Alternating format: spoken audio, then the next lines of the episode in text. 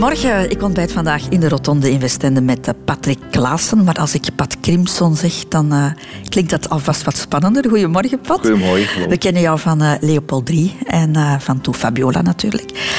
En als je negen jaar op Ibiza hebt gewoond, beste Pat, dan ja. heb je wel een band met de zee ook, denk ik. Hè? Absoluut, ja. ja, ja. Dus het uitzicht... Meestal met een blauwe zee. Een blauwe zee. De zee kan hier ook blauw zijn, maar ja. soms ook groen. Hoe dikwijls heb je de zon zien opkomen op Ibiza? Heel veel eigenlijk. Dat we toen gingen slapen. Hè. Mm -hmm. Was het nachtleven daar, hè? Nee, nee, eigenlijk niet. Ik heb niet in het nachtleven echt gezeten, maar we maakten er wel altijd iets van s'nachts. maar Ibiza, daar hebben we het straks nog ja, uitgebreid ja, over gehad. Radio 2.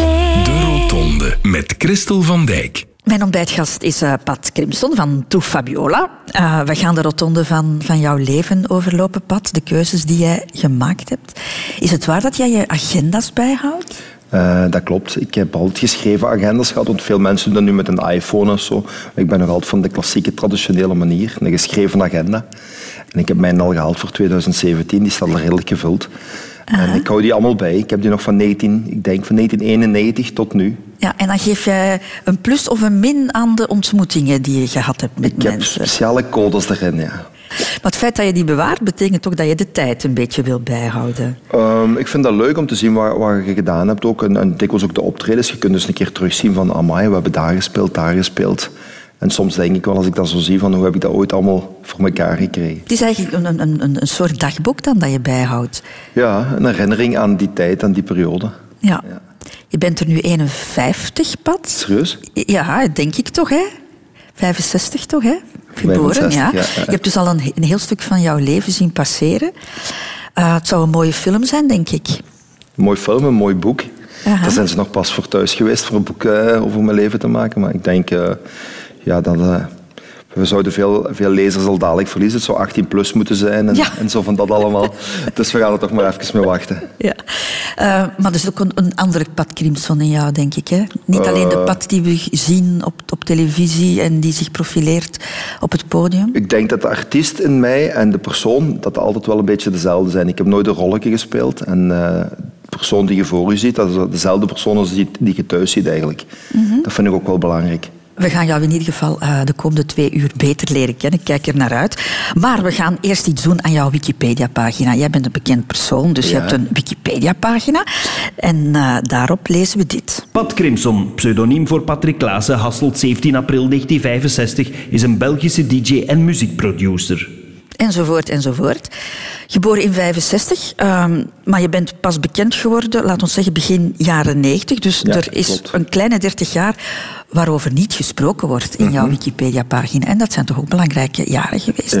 Vandaar dat we Han Koeken gevraagd hebben om voor een volledigere versie te zorgen. Pat Crimson is geboren te Hasselt op 17 april 1965. Hij was de enige zoon van horeca- en discotheekuitbater Francis en kapster Gerda. Hij groeide op tussen de vele babbelende vrouwen en mama Gerda ziet het kleine patje nog altijd zitten. Hij was toch maar alleen en ik stond in mijn kapsalon. En vroeger was dat zo, er kwamen ze laat klanten. En dan zat hij achter alleen en uh, dat, had, dat deed hem niet graag. Patje moest duidelijk heel vlug zijn plan trekken. En dat deed hij ook. Op school presteerde hij best goed, maar thuis studeren was een ander paar mouwen, weet mama Gerda. Ik kon hem niet, niet aan het leren krijgen. Hè. En dat mama Gerda in Patje geen opvolger voor haar kapperszaak zou vinden, was al heel snel duidelijk. Ik kwam wel in de kapsalon en als ik hem iets commandeerde, dan was hem zo... Dan deed hem de rap en dan was hem zo gauw mogelijk weg. Mama Gerda had duidelijk geen coiffeur of universiteitsstudent ter wereld gebracht, maar wel een doorzetter die wist wat hij wou: muziek maken.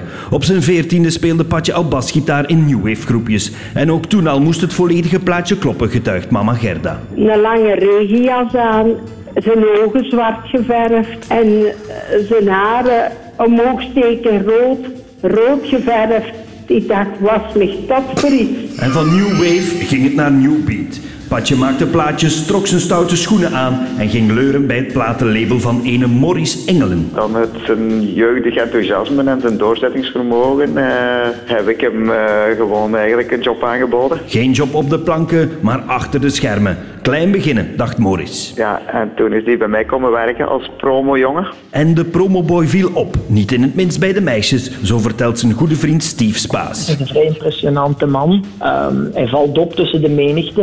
en, en ja, ik denk dat dat ook wel heel veel te maken heeft met ehm, wat dat vrouwen zoeken eigenlijk in de mannen. Over de combinatie vrouwen en Patje is mama Gerda alvast kort en krachtig. Hij had altijd een ander. Maar toch ging zijn tijd en aandacht vooral naar de muziek. De guitige promoboy was vast van plan om het te maken, weet Maurice Engelen. Dat is ook iets wat ik aan, aan Patje eigenlijk echt wel heel erg, eh, eh, waar ik naar opkijk, van hoe dat hij, eh, wat voor een doorzetter dat, dat, dat, dat hij is. En dat grote succes zou niet lang uitblijven. Begin de jaren 90 kwam de groep Leopold 3 de hitparade binnen. Met achter de gitaar de imposante blonde god uit Zonhoven. En de rest is history. Ik denk dat mama Gerda een uitbrander gaat krijgen. Ik krijg het warm. Een stukje van jouw jeugd. Hè? Ja. Zoon van twee zelfstandigen. Ja. Eh, betekent eh, lange dagen. Jouw vader had een restaurant, discotheek, jouw mama een kapsalon. Dus, Ja, eh, mijn vader was eigenlijk maître d'hôtel van de Century, een van de bekendste zaken in Hasselt. Mhm. Ja, dat is, dat, is, dat is zes dagen van de zeven werken. En mijn moeder was kapster, een heel goed kapsalon. Mhm. Was ook eigenlijk bijna vijf, zes dagen werken. Altijd, eh, ja, toen werkten de kappers nog twee, twaalf uur per dag. Dus ik had heel, die hadden heel weinig tijd voor mij, wat normaal is eigenlijk. Mhm. Ja. Heb je ze gemist soms, je ouders? Eh, nee, ik had een goede bom aan bompa van eh, de ouders van mijn, van mijn moeder eigenlijk. En daar woonde ik eigenlijk voor een stuk. Ja. En nee, Is hun drukke leven ook de reden geweest dat het maar bij één kind gebleven is? ik denk misschien dat ze er geen tijd voor hadden gehad voor nog een bij te maken. of was het met onze pad alleen hebben we al genoeg werk? Eh, ik denk het nu. Ik denk dat ik een vrij voorbeeldige, voor, voor- voorbeeldig kind was eigenlijk al. Is het zo? Ja, ik denk het wel. De Rotonde. Radio 2. Radio 2. Pat Clemson, we hebben het net al over de eerste afslag in het leven gehad. Hè. Dat is geboren worden op een bepaalde plaats. Jouw ouders waren zelfstandigen. En het waren dus jouw grootouders die jou voor een heel groot stuk hebben Ja. opgevoed. Hè. Was jij daar constant? Eh laten we toch zeggen dat meer dan 50% van de tijd. Omdat mijn moeder zat in een kapsalon en dan eh, ving mijn bomma mee op. Ja. Ik kan me voorstellen dat dat verschillende richtingen uit kan gaan. Hè. Grootouders zijn ofwel overbezorgd, Ja, maar overbeschermd. mijn, mijn pompa, dat was een hele strenge man eigenlijk. Die was nog veel groter dan ik, dus ik had er wel een beetje schrik van eigenlijk. Ja, ja, maar dat waren hele lieve mensen. En, eh, nee, maar ik, ik, heb ook, ik had een heel goed contact altijd met mijn moeder ook. Hè. Weet, weet je, ze, op mijn twaalf jaar zijn ze dan gescheiden. En eh, ik had heel veel respect voor mijn moeder, die me alleen moest opvoeden. En eh, eh, we hadden ook heel goede afspraken in het leven gemaakt. Van, weet je, als ik, bijvoorbeeld als ik wegging, als ik uitging, ik kreeg de sleutel mee. Ze zegt, jong, je blijft zo lang als dat het goed is.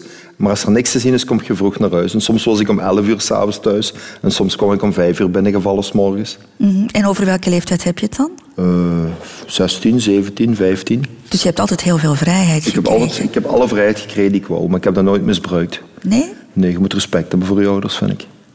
Ja? Ja. Kan jij jezelf omschrijven als kind, Pat? Ehm, Haantje de voorste dikwijls. Een, eh, beetje leiderstype op school, in de voetbal en in, in de muziek. Zo, ja, ik denk dat wel. Ja, altijd handje de voorste. Ja, ja. Jouw ouders hadden heel weinig tijd voor jou. Dan proberen ouders dat soms een beetje te compenseren. Hè? Materieel bijvoorbeeld. Was jij een verwend jongetje? Ik kreeg wel alles wat ik wou. Denk. ik. Kreeg alles wat ik wou. Dat was anders dan, dan, dan in deze tijd. Wij speelden buiten, wij voetbalden samen met vriendjes. Nu zitten ze allemaal, nu moet dat allemaal materialistisch zijn met een, gsm of met, met een mooie fiets of een, of of een, een dure auto. Ik denk dat dat toen anders was. Maar ik heb wel altijd eh, ja, mijn dingen kunnen doen dat ik wou, dat wel. Je zei het net al, jouw ouders zijn uit elkaar gegaan eh, toen jij twaalf was. Heb jij dat zien aankomen? Ja, je voelt dat wel. Hè. De, de maandag was altijd een dag dat ze alle twee vrij hadden. Dat was een dag om ruzie te maken, zei ik altijd. En eh, ja, weet je... eh, ze bedoelden het alle twee goed, maar ze hadden het zo druk en met hun, met hun eigen leven dat dat, dat eh, uit elkaar groeide. Dat dat eigenlijk een natuurlijk, natuurlijk ding was op zich dan eigenlijk.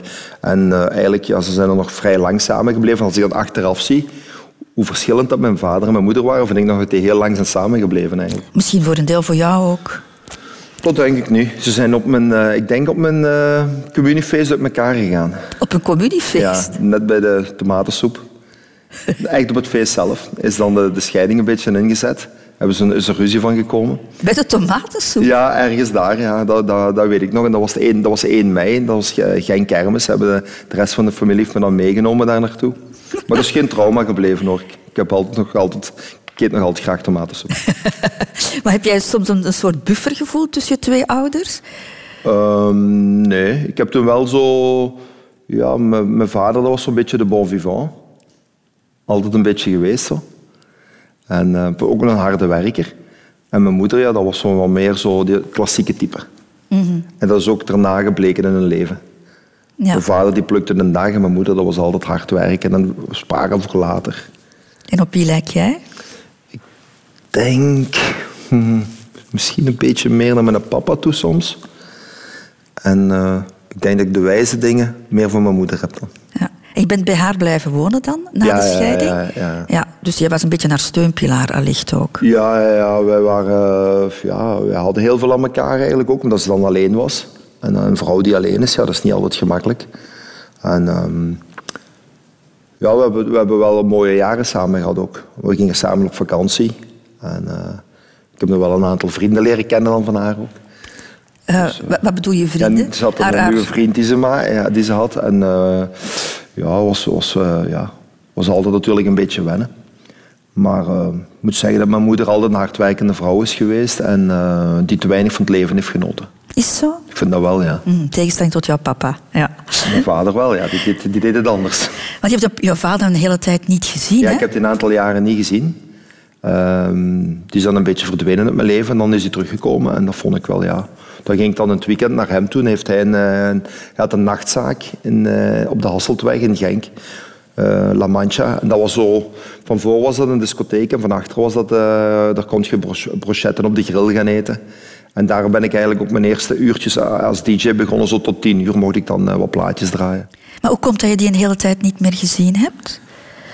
Ja, dat, eh, dat, na die scheiding heeft hij dan een andere vrouw leren kennen en dan was dat even moeilijk. Soms, soms loopt dat zo in het leven. Hè. Maar ik heb nu een heel goede verstandhouding met mijn beide ouders.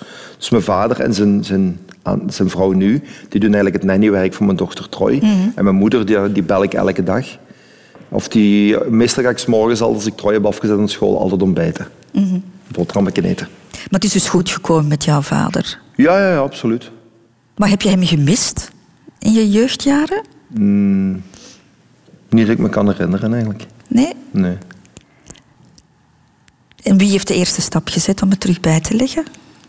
Mm, dat weet ik eigenlijk niet. Dat weet ik eigenlijk niet. Niet goed, niet meer. Dat is ook al lang geleden, hè. zo oud ben ik al. Dat is zo gegroeid. Dat is zo gegroeid, denk ik. Op een gegeven moment is dat zo gewoon bij je moeder. En, en ja... mm, ik denk, hij is dan zijn zaak begonnen en toen, ja, je hebt geen contacten meer. En dan op een gegeven moment komt er dan terug dat telefoontje. En, en dan eh, zijn we samen naar de voetbal gaan kijken. We waren echte winterslagsupporters. Nu is daar dan Racing Genk geworden. eh. en ja, dat was wel leuk. Dat was, ik was er wel heel blij om natuurlijk. Patje Crimson, jouw studies, daar wil ik het ook eens over hebben. Werd daar belang aan gehecht bij jou thuis? Eh, ja, ik, maar ik was geen, goeie, geen voorbeeldige student eigenlijk. Ik wist altijd dat ik in de muziek wou gaan. En ik wou eerst eigenlijk voetballer worden.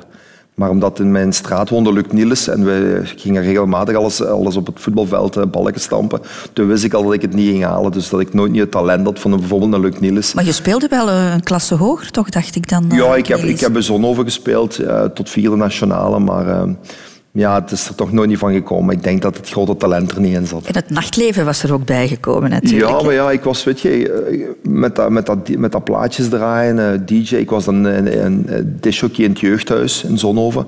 En dat was dan nog zo'n discotheekje op de hoek, de Dreams Club. En daar mocht ik dan ook draaien. Dan zit je de plaatselijke held natuurlijk. Dus dat vond ik dan toch wel leuker dan, eh, als, dan zwoegen op dat, op dat voetbalveld. Ja, gemakkelijker succes alleszins. Ja, ja. Maar goed, dus geen goed student, maar jouw ouders hadden waarschijnlijk toch wel een plan voor ogen, voor jou. Ja, wat moet er van komen, zelfs me altijd. Hè. ja, weet je, ik was altijd zo... Er kwam de top 40 op eh, en dan drumde ik mee en ik wou muziek maken. En ik heb dan een drum gekocht en een basgitaar gekocht en, en groepjes wat gespeeld. Maar ja, daar is niks mee te verdienen. Hè. Ook, eh, toen was dat ook niet zo bekend, zo die, die scene. eh. En eh, ja, dat was, dat was eigenlijk een, echt een, wat toch wel een zoektocht. Maar gelijk bij veel mensen in de jeugd. Wat gaan we, wat gaan we worden? Wat wil, wat wil je worden? Ik denk dat heel veel mensen altijd op zoek zijn naar hunzelf. Ja, want- ik heb dan eerst gewoon uh, humaniora gedaan. En dan ben ik maar eh, naar, de, naar, ben ik naar de handelsschool gegaan. Daar ben ik dan buiten gevlogen. door- ik had een gordijn in vuur gestoken per ongeluk. Per ongeluk. Ja. Echt waar, ja, aan het spelen natuurlijk. En in één keer, hup, helft van het gordijn was weg. En toen ben ik eh, maar hotelschool gaan doen, omdat ik vond, ja, dacht ik mijn eigen, ik had toch een vrij goede basis met humaniora. Ik dacht, van hotelschool moet je niet hard leren. Maar da- daar heerst toch ook een ijzerdisciplinepad in een hotelschool? Ja. Nee? In een dat- keuken? Ik vond dat niet echt, want ik had dan iets heel leuks gevonden. Ik kwam altijd 's morgens, dus als wij praktijk hadden, we hadden twee dagen praktijk, en ik kwam altijd langs de voorkant binnen en daar stond een bord waar ieder zijn taak moest doen. En ik deed bijna altijd de bar, want ik pakte dan het krijt en ik deed dat weg. En dan bij bar schreef ik altijd Patrick Klaassen. En ik had dan elke week had ik bar. Maar na, na twee jaar is dat wel opgevallen. Want dan konden we natuurlijk wel eens iets drinken en zo, en cocktails maken. Dus de- normaal moest je de bar doen, of dan de zaal, of, of weet je niet. Of, en ik, ik stond altijd in de bar. Daar zorgde ik zelf voor. Maar dat diploma heb je gehaald. Ik heb dat gehaald, ja, ja. tot zevende jaar specialisatie grootkeuken. En eh, daar heb ik het laatste niet meer gehaald, omdat ik toen met mijn vader kon beginnen te werken op school. Deed in het vormingscentrum in een cafetaria. Daar ben ik dan beginnen te werken, ja. Mhm. En was je daar gelukkig in de keuken? Oh, gelukkig. Ja, weet je, je verdient je eerste centjes. Dat is leuk. Want hoe oud was je toen? Ik denk dat ik toen 21 jaar was, 1, 22 jaar. En nog om, om, om nog wat beetje bij te verdienen, eh, dat was eigenlijk in een school. Dus ik had dan om 12 uur gedaan. En om 12 uur deed ik de nachtdienst van, eh, deed ik eigenlijk het portierwerk. Ging ik overal de, de lichten en de deuren sluiten van het gebouw. Deed ik anderhalf uur nog de ronde. En dat weet ik nog, dat was dan 5 euro dat ik dan nog, voor 200 Belgische frank, was dat dan eh, dat ik dat deed. Maar Dus wel dat- een harde werker dat had dan. ik gedaan om half twee. Ja, ik begon elke morgen om negen uur bij mijn vader in de keuken tot middags eh, half twee. Dan begon ik terug van half zes tot half twee s'nachts. Je hebt wel handen aan je lijf, Patrick. Ja, zes dagen van de zeven was dat. Ik heb heel hard gewerkt. eh, Ja, ja, ja. En mijn vader was heel streng voor mij. Die was heel streng, veel strenger dan voor andere mensen.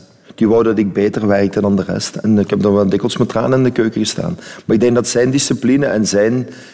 dat hij me wel gekneed heeft. Met tranen zelfs, Pat. Ja, ja, ja, ja, ik heb er echt afgezien. En dat het sneller moest en dat het beter moest en dat het... eh, ja. Was daar nooit een woordenwisseling, een, een, een strijd tussen vader jawel, en zoon? jawel, jawel. Af en toe. Ja, maar het is moeilijk bevelen van je vader eh, Ja, mijn vader aanvaren, is geen Dat gebied, hè. Voor mij te werken. En jij ook niet. Je bent ook geen simpel, dus dan moet dat wel gekletterd hebben soms. Ja, dat was ook wel. Dat was ook wel. Ja. Mocht je het parcours overdoen, eh, Pat, zou je hetzelfde doen? Ik zou niks in mijn leven veranderen. Nee. Die keren buiten vliegen op school? eh, Dat hoort er ook bij, hè. Dat is vallen en opstaan. Radio 2. De Rotonde. Muziek, Patje Crimson, dat is eh, de rode draad in jouw leven. Hè? Al Mhm. van jongs af aan. En het heel straf is, ik, kan, ik heb nooit geen muziekschool gevolgd. Ik ben eigenlijk geen goede muzikant. Durf je dat van jezelf zeggen? Je bent geen ja. goede muzikant? Nee, ik ben een slechte muzikant. Ik maak alles met de computer mee. Ik ben geen, goede, ik ben geen pianist. Ik, ben, eh, ik, ik speel een beetje bas.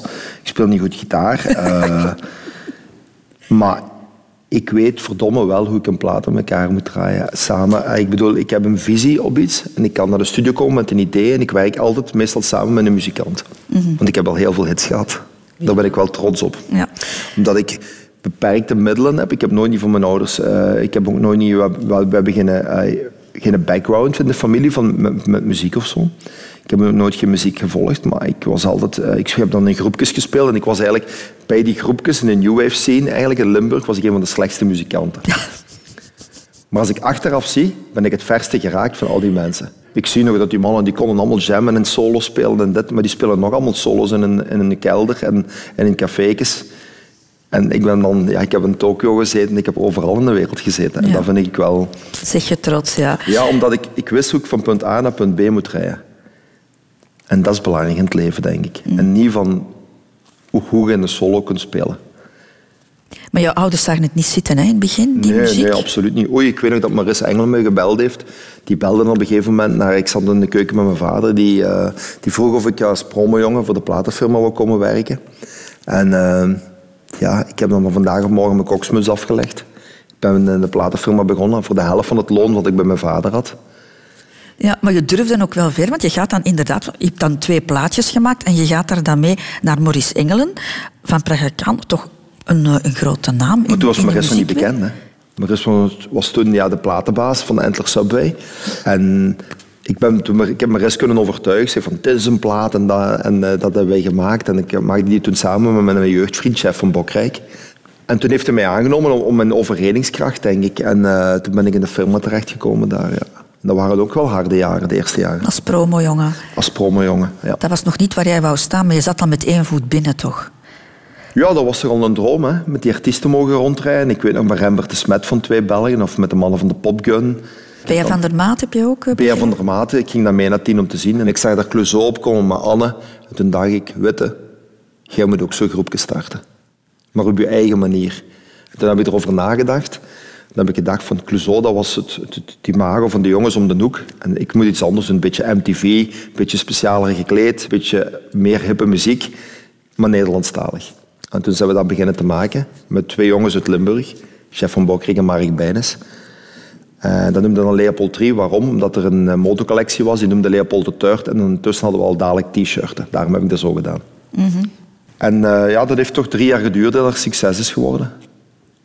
Dus dat was ook wel een lange strijd. Maar- Want ik weet nog dat de Joepie schreef... Waarom geef je dan niet op dat ze een doodgeboren kind, Leopold 3? En ik was precies de enige die hoorde dat dat succes ging hebben. Want dus dan Jeff is dan weggevallen.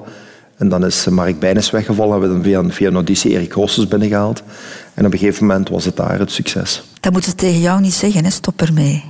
Nee, want dan ga ik juist door. Ja, hè? Ja. Heb je ooit getwijfeld dat het niet zou lukken? Ehm, nee, dat, ga- dat, dat was geen weg, hè, dat het niet lukte. Hè. Want ik ben dan in 89 in de platenfirma gekomen en ik ben toen, ik ben toen twee werelden ingeslagen. De Leopold Trieweg met de Vlaamse muziek en als Pat Crimson ben ik dan een eh, label gestart, Dance Opera, wat ook een heel groot succes is geweest. En heb ik dan ook twee jaar met Praga Kaan getoerd. Met Marissa zijn eerste grote hit, Injected with the Poison, ben ik dan mee naar Engeland overal geweest. Ik gokte eigenlijk op twee paarden al op dat moment. Ja. Niet slagen was geen optie. Nee, er was geen aan- plan B. Nooit aan gedacht, nee. Maar wel dikwijls met tranen eh, van, van Aarschot, waar de platenfirma is, stond naar huis gereden. Hè. Ik weet nog een keer dat ik bij Jos van Oosterwijk kwam. Jos van Oosterwijk, dat was de guru van VTM. En ik, stak ik ga- ik kwam een cd afgeven van Leopold 3 en die gaf me dat terug. En ik zei, ik kan me niks doen, zei hij. En dat was de man die toen alles besliste. Er is geen plaats ja, dan is het wel, dan is het wel hard. Hè. En ik was, elke week zat ik naar dat programma te kijken en dan dacht ik al, hè, wij, wij horen daar toch thuis, wij moeten daar toch op. Maar dat waren, er was toen Soul Sister, de radio's, de Dinky Toys, Clouseau, dat was, alles had zijn plaats.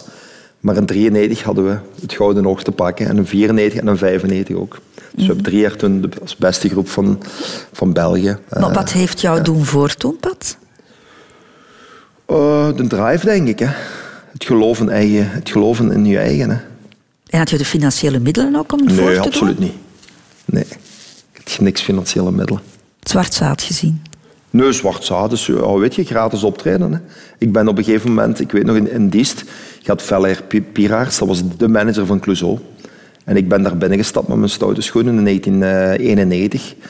Ik zeg, ik kwam binnen, ik zeg, dag Valer, ik ben Patje. En ik word de nieuwe Clouseau. Met die woorden ben ik naar zijn bureau gestapt. Die bekijkt mij zo, want dat was een, dat was een touchable Clouseau, dat was zo populair. Maar ik keek ook naar de jongens op en naar Koen en Chris. Hè. Is niet dat, maar ik zei gewoon, ik zeg, Valère, wij gaan iets anders doen. Jij, en jij moet in mij geloven en we gaan dat samen te werk stellen. En ik zeg, je moet maar één ding doen, je moet het voorprogramma van Clouseau laten spelen. Dat is goed, zegt hij. Hij heeft me dat twee jaar het voorprogramma laten doen. En natuurlijk, ik was zo slim. Die jongens waren zo populair. En na elk optreden, want die meisjes vielen allemaal flauw. En na elk optreden moesten die jongens snel vertrekken. En toen kwamen wij buiten hè, om de handtekeningen te zetten. Echt waar, zo is het gegaan. Hè. Effectief. Hè. En natuurlijk, wij, wij bouwden onze fanbasis op. En in 1991 zijn wij begonnen. Ik zeg, in 1993 wonnen wij voor Clouseau het Gouden Oog. Als beste groep van België. Dus je ziet dat hard werken pays off. Radio Radio 2. Over De afslagen van het leven. De Rotonde. We gaan niet heel jouw carrière eh, stap voor stap overlopen, Bart Klimsen, want dat, eh, dat lezen we wel op Wikipedia. Maar het was het succes met Leopold III en later dan Ja. natuurlijk met, met Toe Fabiola ook. Hè. Buitenlandse successen ook. Ben je altijd met je twee voeten op de grond kunnen blijven staan? Oei, ik denk dat wel. Denk dat wel. Maar weet je wat meestal is als artiest? Je krijgt je succes en de mensen rond je beginnen te veranderen. Die beginnen anders te doen. Die beginnen je anders te bekijken. Ik denk dat je... de- Allee, ik ben, vind ik persoonlijk altijd dezelfde gebleven. Ja, mensen gaan jou wa- waarschijnlijk ook met meer eerbied eh, behandelen. Nu altijd met meer eerbied. Hè. Eh, ja, veel mensen wel, maar ook veel mensen die zijn jaloers op je dingen dat je doet. Hè. Dat moet wel geweldig geweest zijn. Hè? Ik bedoel, het was een kinderdroom, je hebt daar heel hard voor moeten vechten en dan is dat succes daar. Ja, maar dat is... Ik moet zeggen dat in de jaren 90 ik te weinig genoten heb van die, van die dingen. Ik heb daar nooit niet te weinig bij stilgestaan, omdat ik deed te veel zaken. Je had dan een label, had een, een groep die, die liep, had een discotheek. poeh, op een gegeven moment, het was, allemaal, het was echt veel en je, werd, wordt geleefd. En nu geniet ik veel meer van alles wat, wat er gebeurt dan eigenlijk... Dit, mijn mooiste jaren zijn nu bezig. Sinds ik terug bezig ben met muziek, de She's After My Piano, al die grote Tomorrowland vorig jaar, al die grote dingen die we nu doen, daar kan ik echt van genieten. Maar zo, dat grote moment van triomf heb jij niet gehad. Van kijk eens aan, al diegene die mij uitgelachen heeft of die aan mij getwijfeld heeft. Nee, ik, ik weet nog, op, toen we het Gouden Oog wonnen, toen gingen we die, die een award afhalen en toen was ik al aan het zeggen tegen Erik wat we morgen gingen doen. Ze zei, Erik, maar geniet toch eens nu. Ik denk, dat zat er bij mij nooit. Ik was altijd een, sta- ik was altijd een stap vooruit. En ik denk niet dat ik toen te weinig genoten heb. ervan. Vermoeiend wel, Pat. Dat is een vermoeiend leven, hè. Daarom denk Ja, maar ook vermoeiend dat je nooit een moment van rust in jouw hoofd hebt. Nee, maar daarom denk ik ook dat ik in 2000 gestopt ben. Ja, want dan ben je naar Ibiza gegaan. Hè? Ja. Dat is een, een belangrijke keuze die je gemaakt hebt hè, in jouw leven. Ja, op een gegeven moment- trekt weg. Op een gegeven moment heb je het allemaal gezien. Hè? Al je dromen zijn, waar, zijn, zijn waargemaakt. Die aantal dromen die je had. Een club doen, een discotheek doen, dat was een droom van mij. Een groepje starten, een platen maken, een eigen label doen. En dat heeft allemaal goed gelopen. En dan ben ik in 96 op Ibiza terechtgekomen, omdat ik dan met mijn discotheek trips naar Ibiza inlegde. Ik was een van de eerste in België die met mensen naar, naar het party-eiland vloog. En toen zag ik dat eiland en ik voelde, hier wil ik wonen nooit. Wat was je eigenlijk beu? Mm, te druk, denk ik. Ook zo, ik had in 99 dan de TMF Award gewonnen voor beste groep met Menunka. Ik had dat eigenlijk kunnen verzilveren en blijven optreden. Ik heb daar heel veel geld laten liggen. En eigenlijk toen begonnen de Vlaamse artiesten de sportpaleizen te vullen. Als maar zeiden dat, als je het door had gedaan, jong, had jij al die sportpaleizen gevuld. Maar ik denk altijd, ik zeg, ja, dat leven wat ik op Ibiza heb gehad, is dat niet veel belangrijker geweest dan mijn sportpaleizen die ik gevuld heb?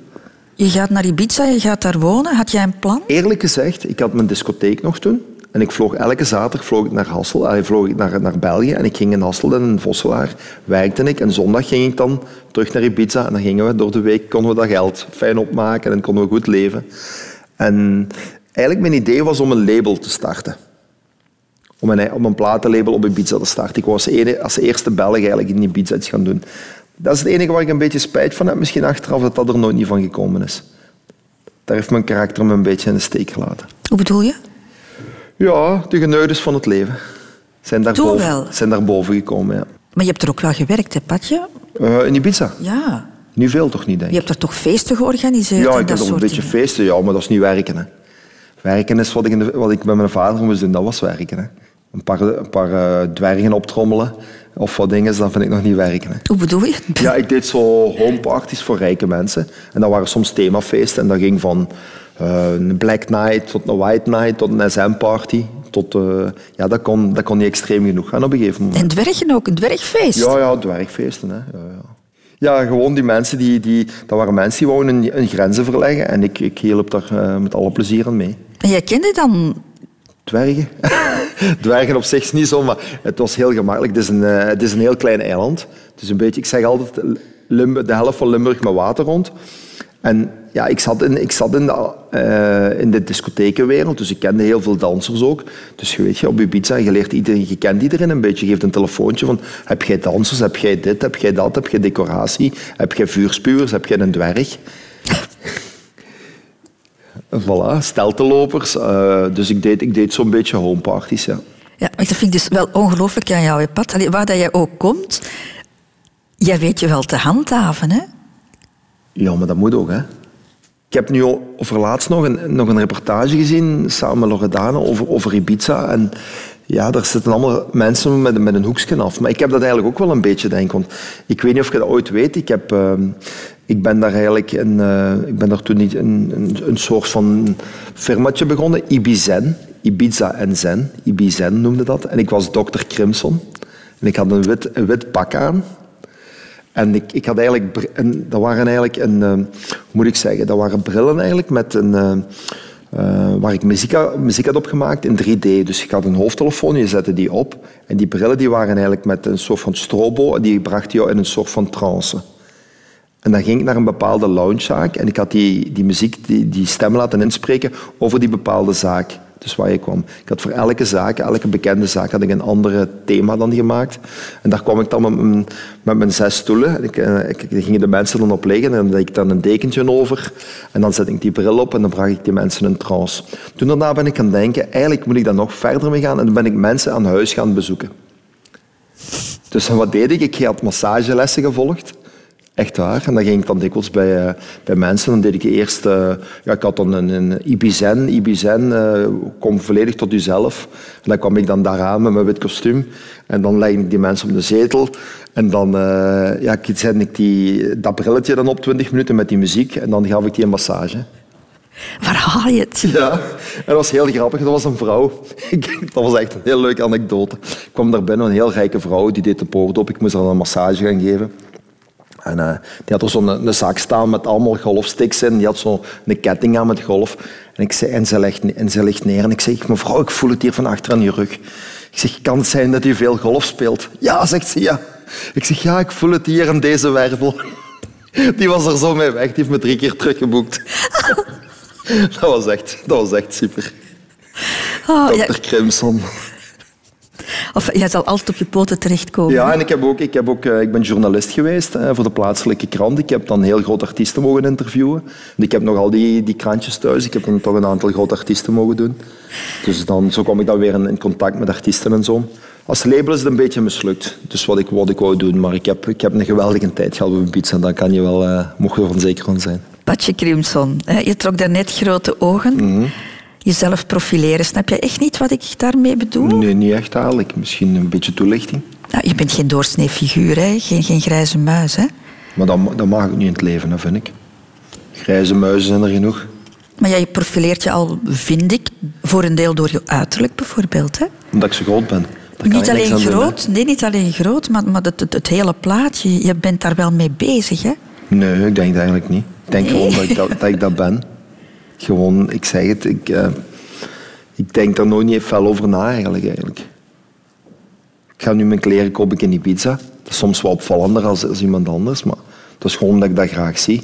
Ik zie graag bling bling en, eh, en die dingen allemaal. Ja, ik zie het. Je hebt zelfs een, een, een jeansvest aan met bling bling. Ja, want dat komt, ik denk, ik ben grootgebracht bij, bij mijn moeder in kapsalon. Ja, die vrouwen, die, ik, misschien heb ik wel een klein vrouwelijk kantje. Ah ja? Ik denk dat wel, ja. Mijn moeder was altijd, als ik naar buiten wil gaan, uw haar, jong! Riep ze altijd. En dan was ze van, ah, ah ja, een spiegel. En ik heb, ik heb zo'n beetje nog die tik, mijn haar, dat moet goed liggen. Naar mijn normen goed. En ik ben, ben blij dat ik op mijn leeftijd nog veel haar heb. En nog niet grijs of is het gekleurd? Een beetje gekleurd, mijn ma die doet dat. Eh, Ik vind altijd zo, ja, ze zeggen altijd, veel noemen mij de witte. Hè? En, en Patje, dat is altijd een witte geweest. En, en nu is, begint hij soms wat donkerder te worden. En dan laat ik ze zo één keer per jaar zo'n beetje bijkleuren bij ons ma. Zo, ja. Dat is mijn look, hè. Heb je enig idee wat voor imago jij hebt bij de mensen, bij het publiek? Geen idee. Echt geen idee, nee. Ik denk imago, ja. Misschien het 90s imago zeggen ze, maar ja, 90s imago. Wij waren Lady Gaga af alle letteren. Als ik Lady Gaga zie wat hij nu allemaal aan heeft, hadden wij in de jaren 90 al lang aan. Dus we waren een beetje trendsetters. Maar heb je echt niet het idee dat jij iemand bent die een beetje polariseert? Sommige mensen vinden jou geweldig, andere mensen helemaal niet. Oh, maar dan moet dat. Dan moet dat. Je moet zwart of wit zijn in het leven. Hè. Ik, vind, ik kijk altijd op naar mensen die zo'n beetje anders zijn. Maar dat is ook altijd in, in, mijn muziekkeuzes geweest ook. Hè. Dus als ik bij de radio aankom, is dat dan altijd moeilijk met mijn plaat, omdat ik altijd met iets anders, met iets, met iets afkom, zo van, is weer daar. Maar dat is altijd opnieuw wel je eigen bewijzen. Hè. Maar vind je dat je oosterjeugd genoeg bevonden bent? wat jouw carrière betreft? Ik heb elke award thuis in de kast staan die je kunt winnen. Welke artiest kan dat zeggen? Het is dat wat telt, hè? De hitparade. Nummer één staan. De awards die je daarvoor krijgt. En al de rest, hè? Wat allemaal die mannen aan de café en die gasten die zogezegd geweldig scoren. Ik heb gestaan in Tokio, ik heb gestaan in Moskou, ik heb gestaan in... eh, noem maar op, hè. Daar ben ik heel fier op. Maar behoor jij tot het krantje grote artiesten in Vlaanderen? Oh, dat weet ik niet. Dat interesseert me niet eigenlijk. Bij het publiek wel, verkoop wel, maar Verkoop wel. in de Ja. media? Echt geen idee. Ik weet wel dat ik in 2014, dat is maar twee jaar geleden, de zomerrit heb gewonnen en de prijs heb gekregen van de, best, de meest gespeelde plaat van het jaar. Daar ben ik al fier op. Maar je hebt je toch al dikwijls kwaad gemaakt, hè, Pat?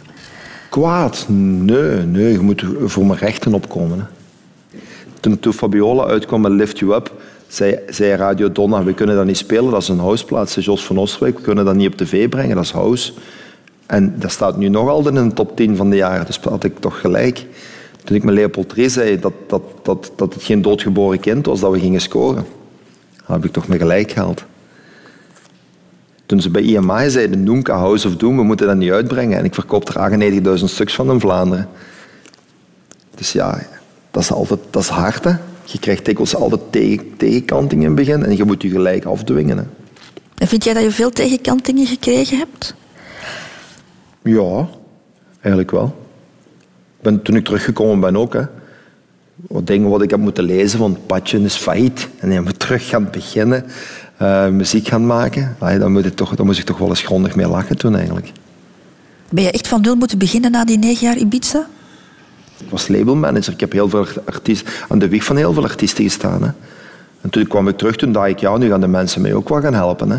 Maar dat was eh, duidelijk verkeerd gedacht. Heb je weinig steun gehad van, van collega's? Eh, geen, denk ik. Geen steun. Nee. En hoe kwam dat? Dat, ieder voor- dat we in een wereld eh, leven hier in Vlaanderen was een beetje ieder voor zich. En dat is een beetje jammer, want eh, als ik zie gelijk de Nederlanders nu in, in de danswereld, die versterken elkaar. En wij Belgen, wij doen dat niet. Dus eh, dat is een- toch wel een beetje jammer, vind ik eigenlijk. Heb jij goed verdiend? Ik heb goed verdiend, maar ik heb zeker de helft van mijn geld laten liggen, omdat ik nooit niet echt op mijn strepen heb gestaan. Dus bijvoorbeeld afrekeningen bij platenfirma's, afrekeningen van, van bijvoorbeeld Dance Opera 35 ti- 35.000 t-shirts verkocht. eh, waar ik veel te, veel te weinig geld heb aan getrokken. Eh, deals die ik heb gesloten met grote platenfirma's waar ik eh, nooit geen percentje heb op gekregen. Bijvoorbeeld, ik heb het platencontract van Mille King getekend. Daar heb ik nooit geen overrides op gehad. Eh, ik zeg maar iets. op dat gebied ben ik nogal een, een losbol. Oh ja, ça va, ik, ik heb het toch niet slecht. Laat maar Te bollen. nonchalant erin? Ja, daar ben ik heel nonchalant in. Heb je er nu spijt van? Nee, nee, nee, absoluut niet. Weet je, als je dat enkel om het geld moet doen, dan, dan zit je in de muziekbusiness sowieso een showbusiness in de, in de, de verkeerde branche. Want je moet dat doen met je passie, met plezier. En dan komt het geld wel vanzelf. En, en daarom ben ik ook in 1999, toen ik een hit had, nog met Noonka gestopt. Omdat ik, voelde het niet meer. Ik stond op het podium en ik dacht, wat aan het doen? En toen was ik echt, toen was, voelde ik eigenlijk, ik ben geld aan het verdienen. En daar ben ik ermee gestopt. De Rotonde. Radio 2. Radio 2. De liefde, Patje Crimson. Daar moeten we het ook eens over hebben. hè? Ik heb zo'n vermoeden dat jij daar vroeg mee begonnen bent. Nee, dat valt mee. Mijn eerste vriendin, die was dus een heel stuk ouder als mij. Die heeft me de weg geleerd. hè. De inwijding. In Weining, ja. ja. Heb jij veel vrouwen bemind, Pat? Bemind. Minder dan, dan je denkt. Ik heb veel geflirt, ja. Maar nooit niet met vrouwen naar bed geweest. Omdat ik had... Mijn moeder was altijd zo... Maak ze niet zwanger en kom niet met een ziekte naar huis. Dat waren de twee woorden al dat ze zei. Dus ik had altijd zo'n beetje, toch wel een beetje daar... eh, En ik vond ook, ja, er eens mee gekust hebben en eens mee, mee gek gedaan hebben. Zo. Ja, voilà. Eens tegen je gelé getrokken, gelijk ze zeggen. Dan had je die... Allee, dat was ook wel een verovering, hè. Ja, de jacht was eigenlijk... eh, De jacht was belangrijker dan... Ja. Je bent de man van de lange relaties, toch wel? Ja, ik vind, ik vind dat heel mooi als ik zo op het strand hier, eh, als je zo'n koppel ziet lopen. En die zijn al, al 65 of die zijn 70 jaar en die lopen hand in hand. En dat vind, er is niks mooier dan dat, vind ik eigenlijk. Dus ik ben dikwijls aan een relatie begonnen. Altijd een, je begint toch aan een relatie om er iets, het beste van te maken en, en elkaar eh, geluk, te geluk te geven en geluk te brengen. Daar, begint, daar hoop ik toch dat iedereen een relatie mee start. En ik, ben, ik heb zo'n aantal relaties gehad, misschien een vijftal keer denk ik, dat ik eh, zes of zeven jaar een relatie heb gehad. En dan liep je die spaak, maar dat waren altijd wel zeven goede jaren. En wat liep er dan mis? Is, is daar een Ehm, rode draad? De rode draad is mijn, mijn carrière eigenlijk die daardoor loopt. Omdat je eigenlijk altijd in andere omstandigheden kwam. Dus bijvoorbeeld mijn eerste relatie, waar ik dan ook mee getrouwd ben geweest, eh, Daniela. eh, ja, ik was een, een gast die een New Wave groep speelde. En in één keer kom je in de, in de muziekbusiness terecht. Je gaat daar aan werken. je uren veranderen. Want ik was ervoor een kok. Ik, kwam, ik was in het weekend thuis. In één keer zit, zit, zit, zit dat meisje met een gast die, in- die in het weekend altijd weg is. En die is er dan weer gelukkig door. En die stelt u voor een keuze van het is dat of dat. En dan heb ik voor de muziek gekozen. Liefde voor muziek. Maar dat is wel een zware beslissing die je dan hebt nee, moeten nemen. nee, zwaar, was dat... Ik, ik was anders daarna misschien heel mijn leven ongelukkig geweest. Omdat ik dan die keuze zou gemaakt hebben. En dan zou het nog mis zijn gelopen. Je was ook jong, vrij jong getrouwd, hè? 4, Ja, 25? ja, ja, redelijk jong. Ja, ja. En, en waarom ben je eigenlijk getrouwd? Omdat mijn moeder er tegen was, denk ik. Hoe bedoel je? Ik weet het niet. Dat je moeder zo- er tegen was dat je trouwde? Ja, die was zo, ja, die zei, ja, is dat wel het juiste meisje voor u? En dit en dat. En, en, en zoals ze zat er zo, hij had er twijfels mee. En ik, ik weet nog dat ik in de kerk stond, bij mijn huwelijk, en ik dacht, oei, wat ben ik nu aan? Nu ga ik trouwen. Eigenlijk vrij impulsief, ja, ondoordacht. Ja. Hoe ben jij in de liefdepad? Ehm, dat moet je eigenlijk aan, aan Loredana vragen. Hè. Je kunt dat moeilijk zelf omschrijven. Hè. Je probeert lief te zijn en je probeert eh, eh, goed te zijn voor je partner. Maar je kunt dat moeilijk zelf zeggen. Hè. Maar ben je iemand die ver gaat in de liefde, die zichzelf opzij zet? Hmm, je probeert rekening te houden met, met elkaar, denk ik wel. En ben je trouw in de liefde? Eh, nu absoluut wel, ja. Ik denk de laatste tien jaar ben ik daar... ik had het allemaal wel een beetje gehad, zo. Weet je niet? En je wilt, er- je wilt rust vinden in je leven. En energie steken en nog ergens een, een tweede... Of, of, of, in, of een flirt, daar, daar, daar ben ik, eh, dat stadium ben ik wel al aan voorbij. En nu heb je de rust gevonden. Ja, ik schatte de waarde daar misschien niet zo van in. Of ik vond dat niet zo belangrijk. Ik, vond, ik denk dat ik, alle, dat ik de dingen waar ik aan het doen was, belangrijker vond als mijn relatie. En nu is de relatie ook wel heel belangrijk altijd geweest de laatste jaren. Even belangrijk dan die carrière? Ja, ja zeker. Ja. Je probeert daar een evenwicht in te vinden. ja, maar dat is uw basis. Hè. Dat is uw basis van uw geluk. Hè. Uw geluk, uw, ik heb gezien dat uw geluk dat bestaat niet uit, de mensen, uit veel mensen rond u. Dat bestaat uit een aantal, heel weinige mensen eigenlijk rond u. En dan moet je elke dag... eh, en met die mensen moet je het in je leven doen. Want de wereld is, is verdomme keihard geworden voor elkaar. Ik heb bijvoorbeeld bijna geen vrienden in mijn leven. Ik, ik heb heel veel kennis. Ik heb honderden mensen die ik ken. Maar vrienden waar je echt... eh, als je heel diep zit, daar, op kunt terugvallen, zijn er bijna, bijna geen, denk ik. Omdat ik altijd zo druk ben bezig geweest. Uw vrienden zijn op dat moment de mensen waar je mee in de business zit. Dat was voor mij het geval. Ik had geen tijd voor. Ik heb nooit een weekend voor, ik een barbecue gegeven voor iemand thuis. Dat, dat bestaat niet. Dat ken ik niet. Omdat ik, je zit altijd, je moet, als je een top wilt meedraaien, moet je bezig zijn. Je moet gaan. En even pauze houden. En eh, ik heb dat wel, in de pizza heb ik dat negen jaar gedaan. Hè. Ik heb al genoeg pauze genomen in mijn leven. Hè. Want dat is wat ik tegen mijn moeder nu zeg. Hè. Ik zeg, ze zei altijd ja, dat ik naar die pizza ben gegaan. Ze vond dat nooit niet zo'n goed idee. Maar ja, ik heb wel in de fleur van mijn leven, op mijn 38ste, heb ik gezegd, bye, ik ga op het schoonste stukje van de wereld, een van de schoonste stukjes van de wereld, heb ik negen jaar gewoond. En ik heb daar, niet, ik heb daar echt gelijk God, en vrij- gelijk God op Ibiza kunnen leven. Hè. En daar ben ik eigenlijk ook wel fier op, dat ik dat heb kunnen te werk stellen. En dat heeft, dat heeft mijn carrière mogelijk gemaakt. Dus die jaren van alle dagen werken, zaterdag en zondag werken, kerstmis werken, nieuwjaar werken, dat heeft, daar heb ik, daardoor heb ik ook zo het goed kunnen hebben op Ibiza. Radio 2. Over de afslagen van het leven. De Rotonde. Kinderen, Patje Crimson. Je hebt een dochter van vier hè, ondertussen. 13 november wordt hij vier. Dus jij bent eigenlijk vrij laat papa geworden. Hè? Eh, Dat mocht je zeggen. Hè. 48? 49, ja. Was jij vragende partij? Uh, nee, daar is eigenlijk nooit over gesproken geweest. Want in één keer was ze vier maanden zwanger en... Uh, ah. Dat was geen, uh, geen geplande zwangerschap eigenlijk? Nee. Nee, nee, nee. We hadden een predictorstick zelfs gehaald en die was negatief. Maar toch was ze op een gegeven moment vier maanden zwanger. Dat is schrik, hè? Ja, dat is schrikken, hè. Ja. Wat was jouw eerste gedachte? Uh, ja. Ik word papa. Ik weet niet dat ik ben. Ik kom, wat nu? En dat gaat allemaal zo snel, hè. Dat gaat snel. Ik, ik, wist, ik wist wel niet dat ik dat in mij had. Maar je staat dan voor... Je, je, je wordt niet gevraagd van, uh, zet je daar klaar voor, hè? En wanneer heb je dan het gevoel gehad van, nu ben ik er klaar voor? Uh, daar heb ik nooit niet, nooit niet aan stilgestaan, eigenlijk. Al maar doorgedaan. En dag bij dag laat er, laat er nog bij afkomen, hè. En nu is die dochter er? Ja. Hè? ja.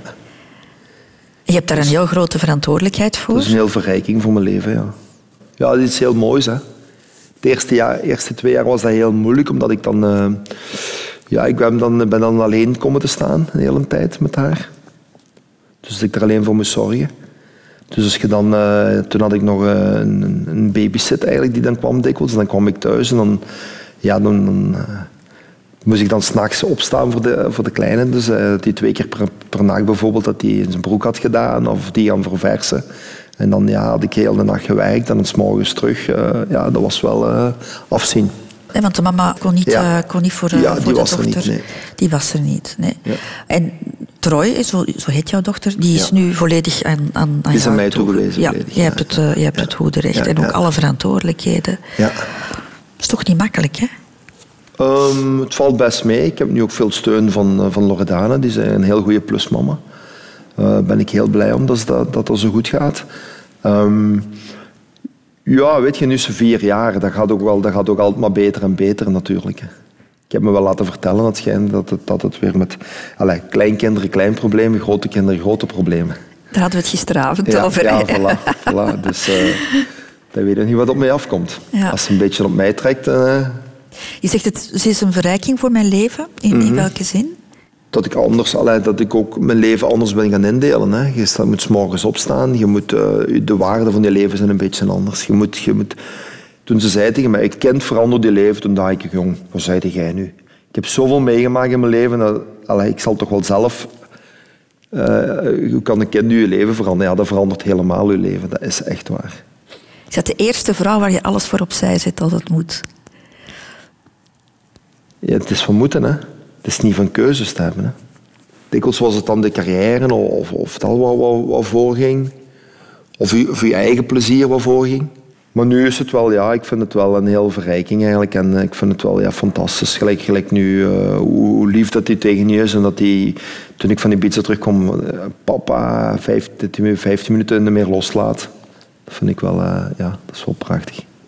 Ja. Dus we gaan nu ook in uh, november gaan we naar Disneyland, nu drie dagen. Allee, we plannen ook dingen om, om, om, leuk om samen te doen met haar altijd. Dat is wel plezant. Mm. Dus je bent blij dat er toch een kind gekomen is, ondanks het feit dat je er niet echt op zat te wachten? Nee, nee, nee. Maar dat is ook weer zoiets in het leven. Hè. Dat is weer een, uh, ja, dat is weer een, een, nieuwe stap.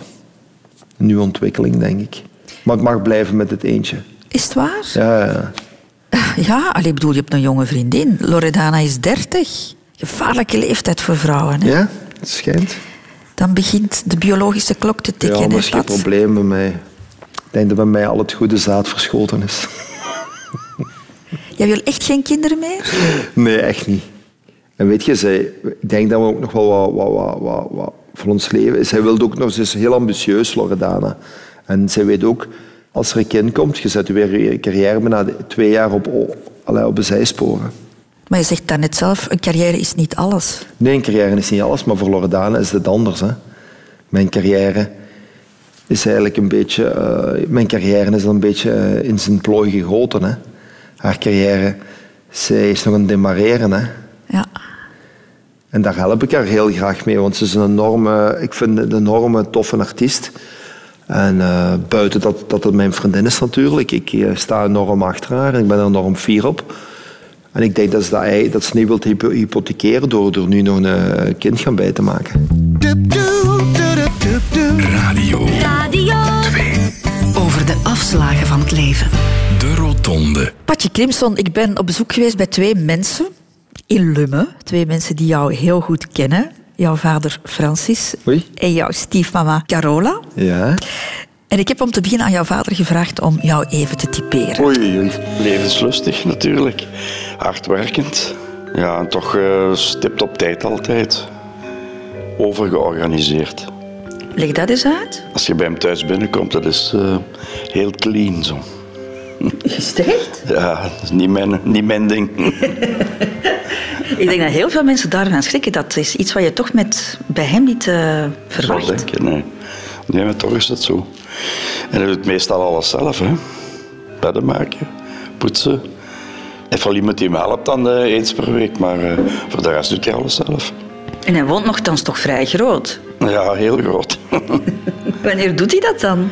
S morgens denk ik. Hè. Ik zie hem dat nooit doen, maar ik weet wel dat hij dat doet. En is dat altijd zo geweest?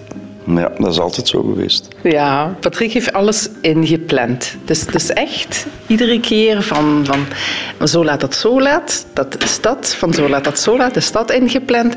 Dus hij heeft echt een schema opgebouwd. Hij werkt dus ook echt met schema's. Maar wee, als er dan ook een, een klinkje erin komt, dan is het ook meteen van eh, even weer paniek. Maar hij begint dan weer gewoon weer opnieuw een nieuw schemaatje maken. Is hij snel gestresseerd? Ja, nogal, nogal. Maar hij kan dat afreageren met zijn gras af te rijden.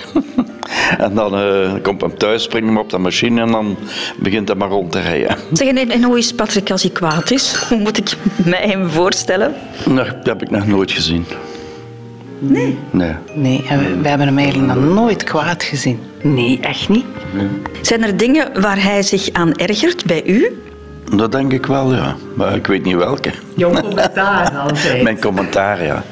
Ik ben nogal uh, ja, kritisch eigenlijk, heel kritisch.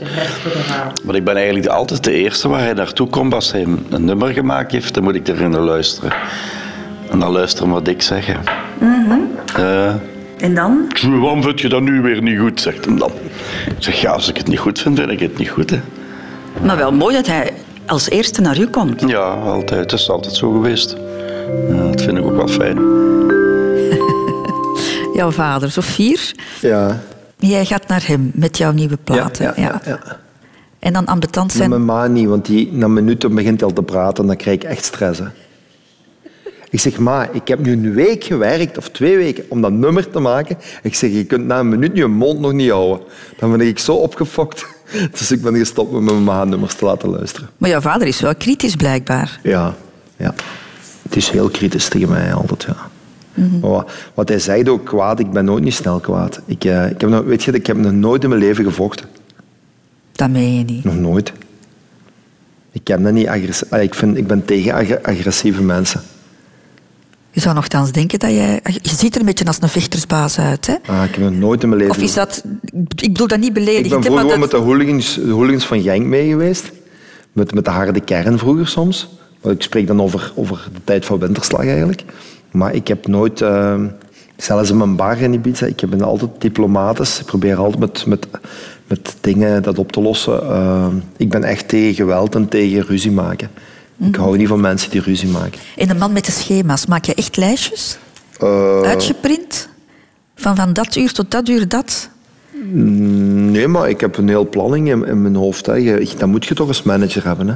Als manager moet je toch... Ik, ik moet ook bepalen van waar gaan we naartoe varen? Hoe gaan we dat aanpakken? En, en er moet toch iets zijn van om tien uur heb je die afspraak, om twaalf uur heb je die afspraak. Uh, dat is een heel, een, een heel planning die in je hoofd zit. Zo georganiseerd, weinig ruimte voor improvisatie. Dus. Ja, maar dat is omdat we. Je hebt me ze straks gevraagd als muzikant. Heb ik u verteld, ben ik een van de minst goede muzikanten, maar ik combineer dat met mijn, mijn, mijn, ik denk mijn karakter en mijn, uh, mijn, zakelijk, mijn zakelijk inzicht in dingen. Die is, dat is heel sterk, dat durf ik dan nog wel zeggen. Daar ben ik wel. Ik zie er niet uit als een zakenman, maar op dat gebied ben ik wel, uh, denk ik wel, een hele uh, toch vrij straffe kerel. Straffer dan als muzikant zijn. Radio 2. De Rotonde. We zijn al toe aan de allerlaatste afslag, ja. Pat Crimson, en dat is de dood. Jij gaat niet oud worden. Dat heb je zelf ooit eens gezegd. Ja. Daar heb ik ook schrik van, eigenlijk. Daar denk ik regelmatig aan. Dat je niet oud gaat worden? Ja, ik heb, ik heb, heeft ooit in mijn hoofd gezeten en ik word nu 52. Hè. Ik heb altijd maar gedacht dat ik 52 jaar ging worden. Dus ik hoop niet dat dat het geval gaat zijn. Want ik wil die zeven jaar toch wel eens verbreken nu met Loredana. Van, van de slanger dan zeven jaar moet niemand te zijn. Dat is al een serieuze uitdaging, Uh, ja. en, en ik kan mijn dochter dat toch niet aandoen. Ik bedoel, eh, ze is nu vier jaar. Ik moet er tenminste meemaken dat hij getrouwd is. Hè. Je moet die man nog afkeuren, hè? Dus ik moet er toch nog een heel tijdje zijn eigenlijk. Want eh, ik heb toch een verantwoordelijkheid voor haar om er te zijn als papa. Maar waarom denk je dat je niet... eh, Of waarom Ik heb dacht altijd je? dat gevoel gehad zo. Omdat je te hard geleefd hebt? Ik heb heel hard geleefd, hè. maar ehm, je ziet het niet echt aan mij. Dus ik denk dat ik mijn eigen vrij goed, ehm, moet ik zeggen... Ik ben nu ook van... van ik kan in Ibiza had ik, was ik 10 kilo bijgekomen van het goede leven. De drank en het, het, het altijd gaan uiteten. Eh, altijd lekker drinken. Ehm, ik, ik soigneer me redelijk goed eigenlijk. Maar behalve de schrik dat je je dochter niet gaat zien groot worden, heb jij voor de rest schrik van de dood? Ja. Dat is, ik durf dat eerlijk zijn. Ik, ben- ik denk er regelmatig wel eens aan. Ja. Dat het zo snel is gegaan. Omdat ik weet nog dat ik mijn balken stond te trappen als zesjarige tegen, tegen de muur thuis.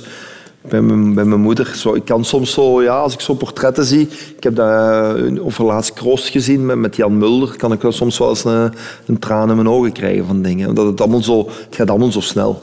Maar hij zei dan van ja, ik vind dat niet erg. eh. Ah, iedereen is anders. Hè. Ik, denk dat, ik durf dat heel eerlijk zeggen, daar soms toch wel aan, aan, te denken. Dat ik toch redelijk wat mensen verloren heb die, die te jong zijn gegaan. En ben jij gelovig opgevoed? Denk jij dat er iets is na dit leven? Gelovig? Nee, nu niet echt. Ik ben altijd naar de, naar de kerk gegaan tot mijn twaalfde. Maar dat was het dan ook. Dus jij denkt niet dat er een vervolg komt op dit leven? Hopelijk niet. Het is goed geweest. Als, je het in mijn, als ik in mijn leven heb ik het wel gezien dan. Er moet niet daarna nog iets komen. Ja, als God een DJ is, is een grote paard hierboven. Hè. God is een DJ, hè? Ja, dat zeggen ze. Dus dan, is er wel nog iets, eh, dan staat er wel nog een feestje te wachten. Maar ik denk dat, nee. Ik ben... eh, en ze moeten ook niet droevig zijn als ik, als ik moest sterven. Hè. Echt niet. Ik heb zoveel plezier gehad in mijn leven en zoveel leuke dingen en alles kunnen realiseren wat ik wou. Maar nee, dat is er maar een glas op drinken dan. Een groot feest op Ibiza. Ja. Maar je zal zelf misschien nog wel afscheid moeten nemen van een aantal mensen, jouw ouders bijvoorbeeld. Hè? Ja, ja. En jouw papa is ook ziek geweest, kanker gehad. Ja, ja, ja. En mijn stiefpapa ook, van eh, de man van mijn mama, die is ook op het moment ziek. Eh, ja, dat hoort er nu eenmaal bij. Hè. Mhm. Dat is, eh, dat is het, het leven, hè. Komen en gaan. Wat denk je daar soms aan, aan dat afscheid? Want je hangt wel heel erg aan jouw ouders. Hè? Daarom probeer ik ook regelmatig nu, nu langs te gaan. Ik, probeer, ik bel elke dag naar mijn mama. Ik probeer morgen, dus van namiddag ga ik weer naar daar rijden. Ik probeer dan nu, nu kun je nog iets samen doen. Dus ik probeer dan die momenten toch nog leuk in te vullen. Dus mijn vader en Corolla die zijn meegeweest naar, eh, naar Tenerife vorig jaar. Dus die heb ik dan meegepakt op vakantie. Ehm, je moet dat nu invullen. Hè. Je moet dat niet doen als het eh, te laat is. Hè. Je hebt toen ondertussen ook al aan de lijf ondervonden dat eh, jouw lijf ook niet altijd meer mee wil, eh Pat. Want je hebt last van glaucoom, hè? Glaucoom, ja, maar dat is, ehm, dat is een erfelijke ziekte. En dan eh, heb ik dan net in 2014, toen we de Gisefterma piano, eh, ben ik dan daarmee geconfronteerd geweest. Ik ben ondertussen geopereerd. Ik ben redelijk wel van mijn zicht kwijt. Want soms, zo, als ik moet optreden, dan moet Loredana me mee van het podium pakken. En soms is dat wel grappig, want ze heeft me al eens een keer laten staan op het podium in het Sportpaleis. Omdat ze kwaad was. Nee, ze was weg en ze vergat, dat, ze, ze, vergat dat natuurlijk. En ik stond daar en, en de lichten gingen uit en al die mensen zeiden, wat staat je daar nu nog te doen eigenlijk? En ik stond er, ja, ik blijf gewoon staan, want ik zie, ik zie echt niks en als het van licht naar donker gaat. Vind je dat erg, dat jouw lichaam jou in de steek laat? Ja, want ze doet dat in de slaapkamer soms ook. Dan zegt ze, ik ben zo terug en dan zit ik daar te wachten en dan blijft die kwartier weg. het is een deugen niet soms.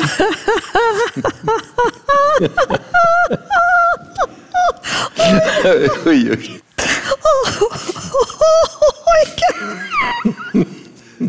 Ik moet zo lachen.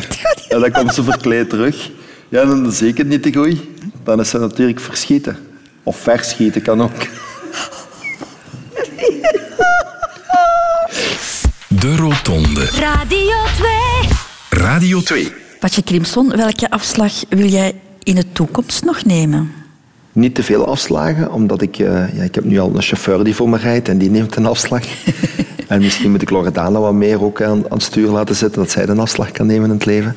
Maar ik wil eh, verder gaan op mijn elan, dat ik bezig ben. En eh, proberen nog voor de mensen rond mij een, een plezant persoon te zijn. Mhm.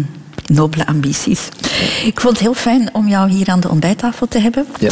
Eh, naast Patje Crimson ben ik ook heel veel Patrick Klaassen tegengekomen Ja, tijdens ons ja. gesprek. En dat was een heel fijne ontmoeting, vond ik. Ja. Dus hartelijk dank daarvoor.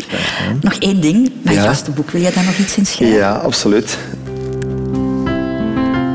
Sorry, Christel, dat ik je regelmatig aan het lachen heb gebracht tijdens onze fijne ochtendbabbel. Niet fijn met je gebroken rib. Tja, mijn leven is zeker een lach en een traan, maar meestal van geluk. Was verrassend ook om een aantal mensen met wie ik close ben over mijn leven te horen vertellen.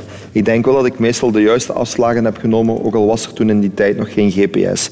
Ik zie dit gesprek weer als een nieuw begin, omdat ik weer volle gas ga. Thanks voor de ontvangst, het lekkere eten en de motivatie om nog beter te doen als artiest, papa en als mens. Patje.